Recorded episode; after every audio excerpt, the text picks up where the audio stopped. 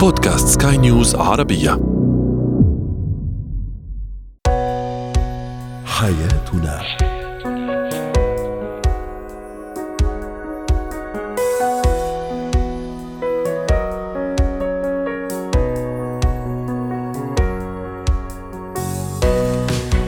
مستمعينا الكرام أهلا بكم معنا إلى حياتنا فضاؤكم اليومي الذي يعنى بشؤون الأسرة وباقي الشؤون الحياتية الأخرى والذي يمكنكم الاستماع إليه عبر منصة سكاي نيوز Arabia dot com سلاش بودكاست وباقي منصات سكاي نيوز عربية الأخرى. شاركونا عبر رقم الواتساب 00 971 561 88 622 معي أنا ابتسام العكريمي.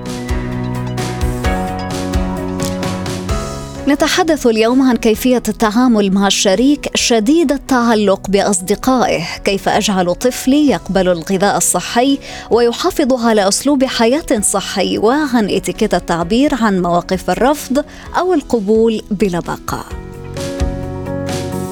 هو وهي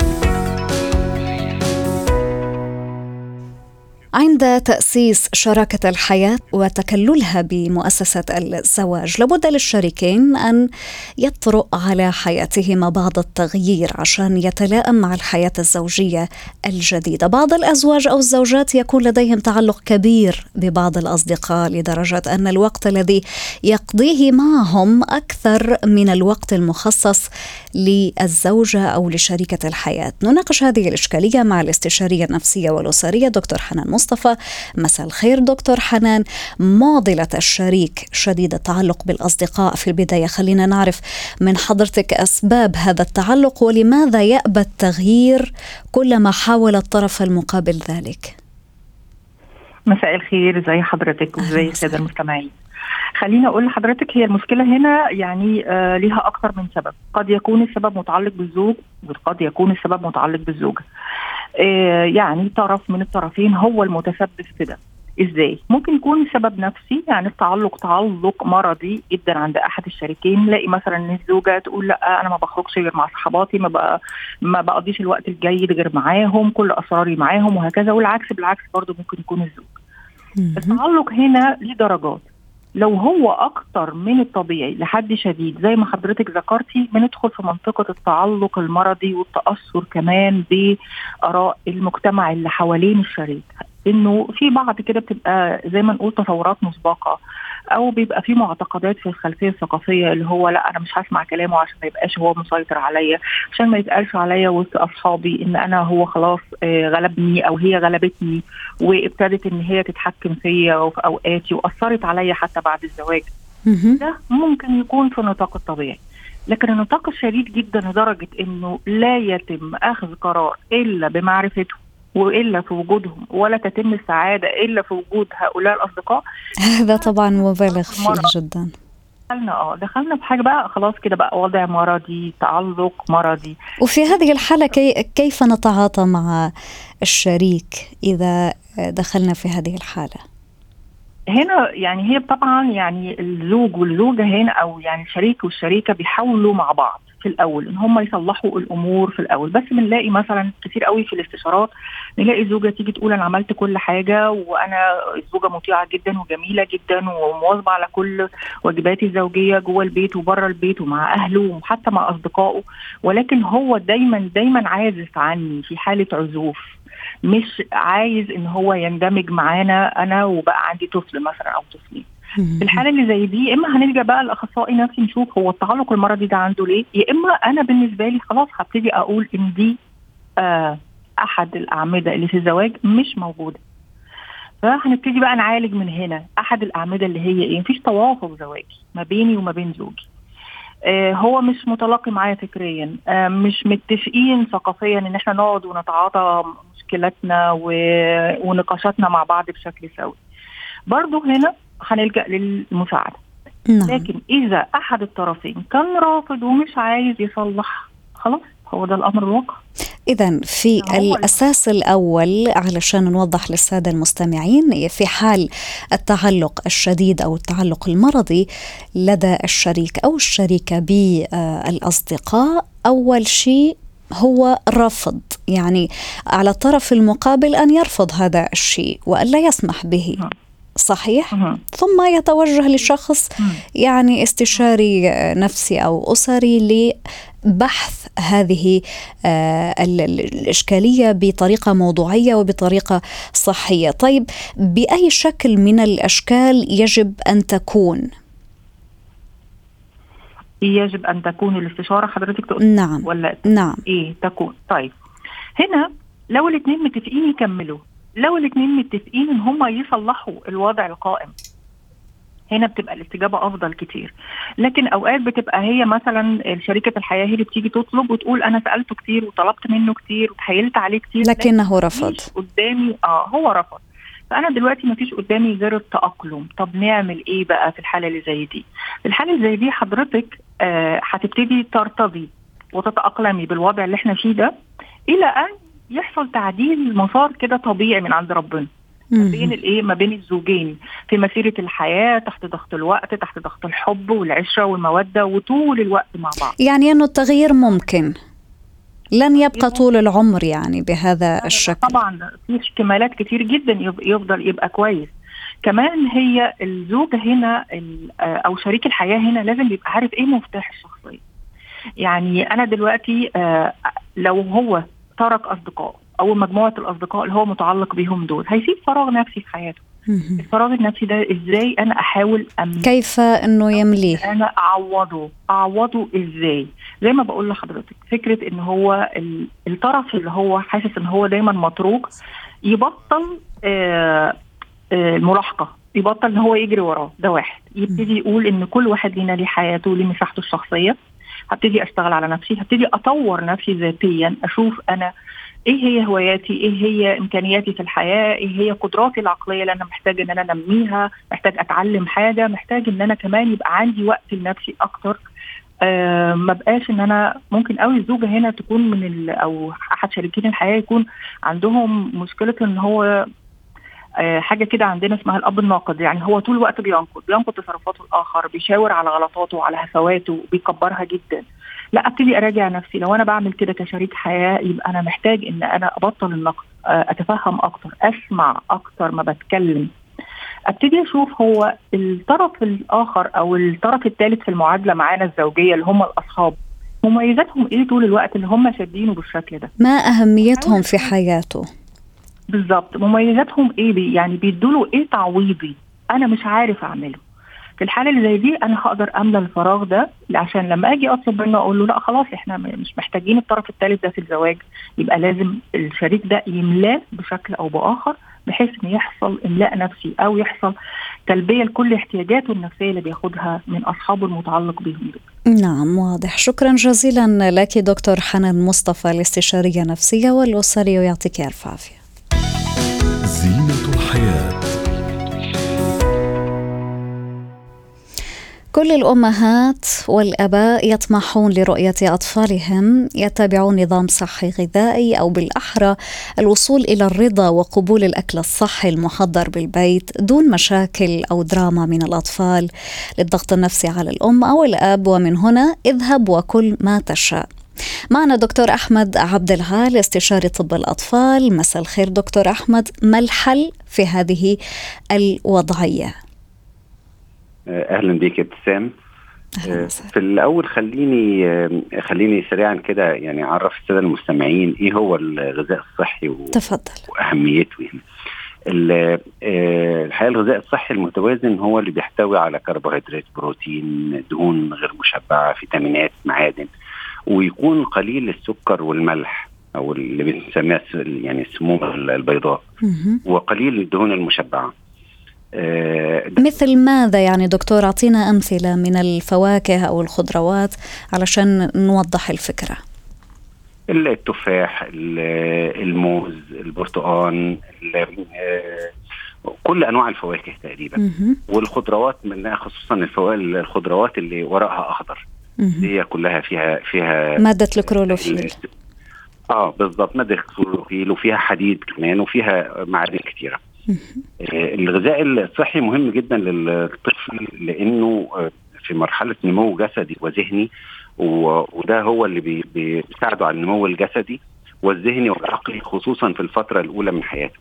كمان بوقايه ليه من أمراض سوء التغذية اللي بقينا نشوفها كتير زي البدانة والنحافة ونقص الفيتامينات. هشاشة العظام وما إلى غير ذلك. حتى قلة التركيز اليوم يقال أنه سوء التغذية هو سبب من الأسباب في قلة التركيز في المدارس للأطفال.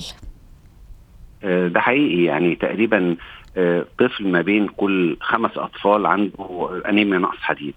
نقص الحديد ده الحديد مهم جدا لل- للمخ وللتركيز الذهني وال- والعقلي للطفل. ده أنا بتكلم على عنصر واحد. طيب سوء التغذية بقى في باقي العناصر. في عناصر كمان إحنا بنقدر نقيسها في الدم يعني زي ال- ال- الحديد وزي المعادن وزي بعض الفيتامين وفي عناصر صعب قياستها قياسها في في الدم يعني بيسموه مايكرو. فبالتالي عشان كده الغذاء الصحي مهم جدا لل- للتركيز الذهني والتحصيل الدراسي كمان للطفل وزيادة مناعته يعني آه، ال- ال- الوقاية من خاصة في هذا الفصل فصل الشتاء الذي تكثر فيه الأمراض والفيروسات ومهم جدا للآباء والأمهات ولكل عائلة أنه آه، تقوية الجهاز المناعة الخاص بالأطفال لأنه يكون حساس بعض الشيء. طيب دكتور عرفنا النظام الصحي ما هو؟ عرفنا ما أهميته بالنسبة للأطفال الصغار. الآن إذا رفض الصغير الطعام الصحي ما البدائل وما الحل وما الحيل التي ممكن أني ألتجئ إليها علشان أوصله أو أوصل له هذه الفكرة؟ دول ثلاث أسئلة. ف... نبدأ بالأول. يصبوا في نفس المعنى. طيب تمام. ال- الحقيقة ان هي الموضوع ده يعني معركة دايما بين ال- الأم والطفل خصوصا الطفل العنيد زي ما تفضلت كده. ولكنها معركة في النهاية بتستاهل جهد وصبر لأنها تتعلق بصحة وحياة ومستقبل الطفل والتعود بيبدأ من الصغر خصوصا أول ثلاث سنين من عمر الطفل لما نبدأ نديله أكل لازم الأم ما تملش من رفض الطفل لنوع معين من من الأكل يعني لو اديته نوع ورفضه تاني أسبوع تديه بعد أسبوع تديه بعد أسبوعين لغاية 10 أسابيع. بعض معظم تكون الفترة يعني متباعدة حتى ينسى بعض الشيء. آه آه بالظبط وفي النهاية في النهاية الطريقة دي لقيت نجاح كبير جدا بين الأطفال وفي دراسات كتير عليها. آه لازم كمان نحترم معدة الطفل الصغيرة. ما نضغطش عليه. إحنا بس بنساعده. ما نضغطش عليه لأن الضغط عليه بيعمل عند وبيزود المشكلة وبتبقى مشكلة آه، صعب حلها بعد كده. آه لازم الطفل يكون شريك في الحل. زي- إن إحنا يكون ناخده معانا السوبر ماركت ندخله معانا المطبخ. لازم يكون شريك في اختيار نوع الأكل في تجهيز الأكل لأن ده بيفرق مع الطفل نفسه. حتى طريقة تقديم الأكل للطفل ونحن نعلم أن الأطفال دائما يعني يحبون أشكال معينة في الأكل يكون الطبق آه، مرتب بوضعية خاصة للأطفال علشان فقط يعني يفتح الشهية.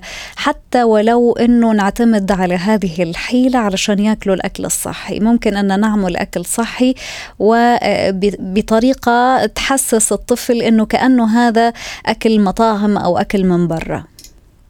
أنا اوافقك تماما يا ابتسام على كده لازم الأم تكون كرييتيف في في اختيار نوع الأكل وطريقته وألوانه. يعني حتى بننصح يكون مثلا طبق متقسم ويكون فيه كميات صغيرة وألوان مختلفة للطفل عشان يكون attractive لأن إحنا في منافسة غير عادلة مع ال fast food ومع ال- بالضبط. إعلاناتها سواء في سواء في التلفزيون أو في طريقة تقديمها أو في ألوانها. فلازم نقتبس منهم الطريقة على الأقل اللي بيقدم بها الطعام الصحي. آه لازم كمان آه يعني بنصح إن الأم تخلي دايما في الثلاجه في الرف يكون تحت شوية وسهل الوصول للطفل آه، الغذاء صحية بالنسبة له سهل يروح ياخد منها زي كسناك يعني. الخضروات بالظبط كسناك لأن طبعا ننصح بثلاث وجبات في اليوم واثنين snacks بالنسبة لل- للطفل. ال lunch box بتاع ال- ال- اللي بيروح بيه المدرسة المفروض يكون متقسم يعني نصه خضار وفواكه نصه آه، ربعه بروتين وربعه يعني حبوب كاملة بأنواعها يعني. نعم. اللي آه، بحذر كمان الأمهات من استخدام الحلويات وال fast food كمكافأة. دكتور دكتور في هذه الحالة ممكن إنه الأم اليوم يعني تصنع نوعية حلويات خالية من السكر وبسكر طبيعي مثلا ممكن نعوض السكر الضار بالتمور مثلا سكر التمر. ممكن إنه نصنع حلويات تكون مفيدة مليانة بروتين وخالية تماما من المواد الضارة بالبيت وتكون مثل ما تفضلت حضرتك يعني بطريقة مبتكرة بطريقة جذابة للطفل. أكيد سمع ما ينفعش إن أنا أمنع الطفل من شيء بيحبه وما أوفرش ليه البديل. بالضبط. آه فلازم آه لازم الام توفر البديل ولازم البديل يكون على قدر من الكفاءة أو الجاذبية لأن الأطفال بيهمهم الجاذبية أكثر في في, في الأكل. ويكون الأكل ثقة مصدر ثقة للأم غير الأكل اللي بيجي من بره. إحنا بقينا نشوف حالات سوء تغذية كثيره جدا في الأطفال حاليا خصوصا البدانة. يعني البدانة نسبة البدانة في في جميع الدول العربية زادت بشكل غير عادي في العالم كله طبعا. في العالم كله نعم. وهذا بسبب ال يعني الأكلات السريعة وعدم طيب. نعم عدم الاعتماد على مسار صحي في الغذاء. بعض النصائح في سؤال أخير بعض النصائح لكل الأمهات أو الأباء يلي عم يستمعون لنا الآن عن كيفية أنهم يبتكروا بعض أنواع الأطعمة أو حتى حيل من الحيل يلي تحدثنا عنها منذ قليل. هي الحقيقة الحيل كثيرة يعني ممكن مثلا نحط بعض أنواع الأكل اللي الطفل مش راغب فيه في وسط الأكل اللي هو حبه. عشان جميل. يتقبلوه ممكن مثلا إن نحط في الزبادي بعض أنواع الفواكه الطبيعية اللي معمولة في في البيت ممكن الأكل اللي رفضه يتضرب في الخلاط ويتاخد بشكل أو بطريقة معينة بحيث يهمنا نوصل للطفل العناصر الغذائية لأن في طفل أطفال برضه موضوع الأسنان والتسنين بتاعهم مشاكل الأسنان بتعوقهم عن عن المضغ بطريقة جيدة. فممكن نضرب كمان بعض الأطعمة في الخلاط أو نقطعها أو نديها بيور دي يعني آه لازم نقدم زي ما قلت نقدم الطعام بشكل attractive بشكل جذاب آه كمية صغيرة. بنحط الطفل لو حطينا كمية كبيرة هيرفض. بنحط كمية صغيرة الأول ولما يخلص أو يقرب يخلص نزود الكمية بدون ما الطفل يشعر. نعم. آه نقعد نقعد الطفل معانا على الأكل ولازم إن إحنا نكون قدوة لأولادنا في نوعية الأكل اللي بتتاكل. و... يعني لازم إنه اليوم طفلي يراني أنا ماذا أكل علشان هو ي... يعني يتبعني أو يمشي على مساري. لا يجوز اليوم إنه أنا أنصح ابني أو أجبره إنه ياكل شيء صحي وأنا مثلا أروح وأختار الجانك فود أو ما إلى غير ذلك. بالظبط بالظبط بالظبط كده. فلازم إحنا نكون قدوة. وعلى فكرة يمكن الحلقة دي مش مش بس للأطفال الحلقة دي للأطفال والكبار لأن الغذاء الصحي تماما. مهم للاثنين وقواعد الأكل الصحي واحدة. يعني اللي إحنا قلناها دي هي قواعد الأكل الصحي سواء للأطفال أو للكبار في نفس الوقت. شكرا جزيلا لك دكتور أحمد عبد الغالي استشاري طب الأطفال ويعطيك ألف عافية على كل هذه النصائح الثمينة.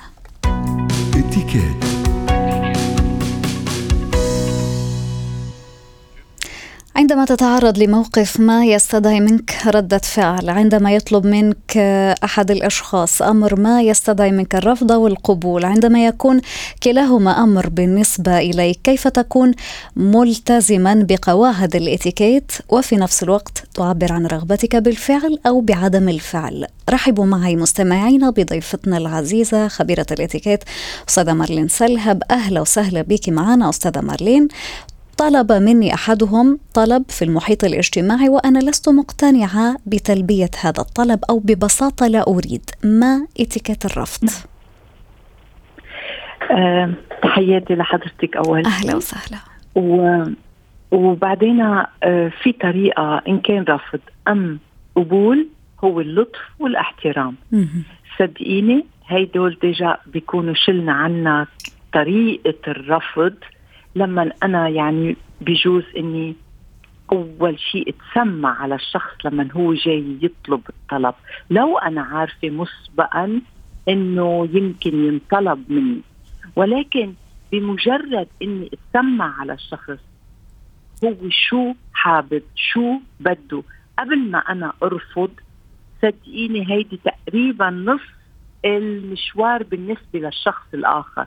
لأنه في كتير أشخاص بتقول لا من دون تفكير. وهي الإنصات يعني القاعدة الأولى هي الإنصات. exactly exactly بدنا نقول لا هون بدي أقول شغلة. أوقات بنستحي وبيكون اللبق لا تبعنا منه مباشر. يعني مش قاصدينه. آه، أم مثلا بنخلي باب مفتوح. إذا أنا الرفض عارفته من الأساس pardon إذا الجواب تبعي عارفه إنه حيكون رفض لازم تكون لا واضحة. علشان ما يتأمل الطرف المقابل أو ما ينتظر مني أني أعمل شيء معين طلب مني أو آه، ما إلى غير ذلك. يعني لازم أنه الرفض يكون واضح من الأول آه، من دون أي مجملات. ابدا. ابدا مثل ما حضرتك عم بتقولي لأنه تعرفي الشخص أوقات بيكون صحيح بحاجة لهالطلب اللي عم يطلبه وهون نحن ما بنكون عم نشعر معه إذا خليناه الباب مفتوح ونحن عارفين بالأساس إنه نحن مش قادرين. سو من هون ما نعطي أمل لهالشخص ونحن نكون متأكدين إنه مش قادرين نساعد. هلأ عندنا طريقة ثانية في بديل؟ ليش لا؟ ممكن افتح له أبواب مع غيري. ممكن إذا قادرة أساعد ليه لا.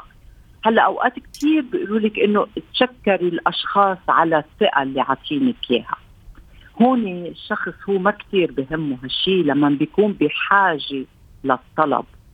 سو من هون بمجرد إنه نحن نفتح له باب لغير أشخاص ونكون نحن في يقول صارمين بالقول إنه لا مش قادرة بعتذر آه عندي ارتباط آه بتمنى لو بقدر اخدمك.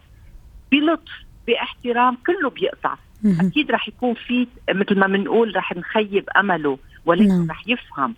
بس ما رح يفهم إذا أنا قلت له إيه ويمكن وبلكي وما بعرف شو خلي الباب مفتوح أنا وأنا ما أقدر أخدمه. واضح. في المحيط المهني أو في المجال المهني مثلا إذا كنت أنا مشغولة وطلبت مني إحدى الأمور من زميل آه، ما كيف تكون آه، كيف يكون الرد بالاتيكيت إذا كنت أنا مشغولة. لازم أعطي أيوه إذا أنا مشغولة بدي أعطي السبب.